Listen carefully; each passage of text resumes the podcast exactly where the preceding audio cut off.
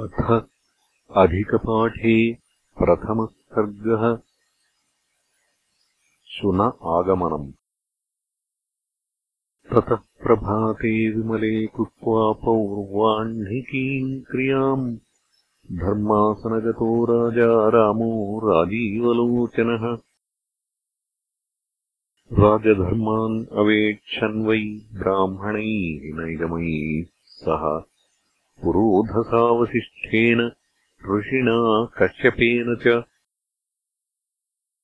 मन्त्रिभिर्व्यवहारज्ञैः तथा अन्यैः धर्मपारगैः नीतिज्ञैरथसभ्यैश्च राजभिः सा समावृता। सभा यथा महेन्द्रस्य यमस्य वरुणस्य च। शुशुभे राजसिंहस्य रामस्याक्लिष्टकर्मणः अथ रामोऽब्रवीत्तत्र लक्ष्मणम् शुभलक्षणम् निर्गच्छत्वम् महाबाहो सुमित्रानन्दवर्धन। कार्यार्थिनश्च सौमित्रे व्याहर्तुम् त्वम् उपक्रम। रामस्य भाषितम् श्रुत्वा लक्ष्मणः शुभलक्षणः द्वारदेशम् उपागम्यकार्यिणश्चाह्वयत् स्वयम् न कश्चिदब्रवीत्तत्र मम कार्यमिहाद्य वै नाधयो व्याधयश्चैव रामे राज्यम् प्रशासति। पक्वसस्यावसुमती सर्वौषधिसमन्विता। न बालो म्रियते तत्र न युवा न च मध्यमः। धर्मेण शासितम् सर्वम् न च बाधा विधीयते दृश्यते न च कार्यार्थी रामे राज्यम् प्रशासति। लक्ष्मणः प्राञ्जलिर्भूत्वा रामायैव न्यवेदयत्। अथ रामः प्रसन्नात्मा सौमित्रिम् इदमब्रवीत्। भूय एव तु गच्छत्वम् कारिणः प्रविचारय सम्यक् प्रणीतया नीत्या नाधर्मो विद्यते क्वचित्। तस्माद्राजभयात् सर्वे रक्षन्तीव परस्परम्। बाणा इव मया मुक्ता, इह रक्षन्ति मे प्रजाः। तथापि त्वम् महाबाहो प्रजारक्षस्व तत्परः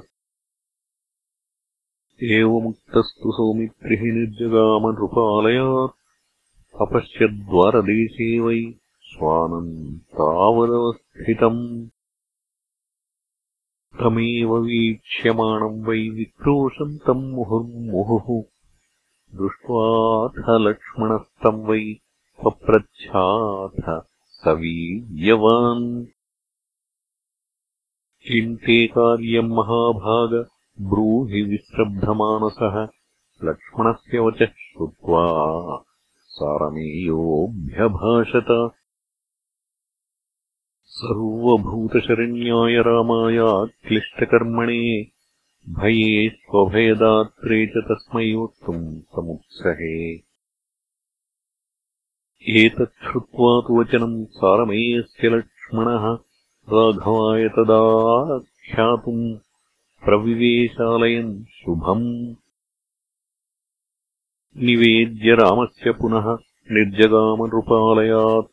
वक्तव्यम् यदि ते किञ्चित् तत्त्वम् ब्रूहि नृपाय वै। लक्ष्मणस्य वचः श्रुत्वा सारमेयोऽभ्यभाषत देवागारे नृपागारे द्विजवेश्मस्तु वै तथा वह्निः शतक्रतुश्चैव सूर्यो वायुश्च तिष्ठति नात्र योग्यास्तु सौमित्रे योनीनाम् अधमा वयम् प्रवेष्टुम् नात्र शक्ष्यामो धर्मो विग्रहवान् नृपः। सत्यवादी रणपटुः सर्वभूतहिते रतः। षाड्गुण्यस्य पदम् वेत्ति नीतिकर्ता स राघवः। सर्वज्ञः सर्वदर्शी च रामो रमयताम् वरः स सोमः स च मृत्युश्च स यमो धनदस्तथा वह्निः शतक्रतुश्चैव सूर्यो वै वरुणस्तथा। तस्य त्वम् ब्रूहि सौमित्रे प्रजापालः स राघवः। अनाद्यप्तस्तु सौमित्रे प्रवेष्टुम् नेच्छयाम्यहम्। आनृशंस्यान्महाभागः प्रविवेशमहाद्युतिः नृपालयम् प्रविश्याथ।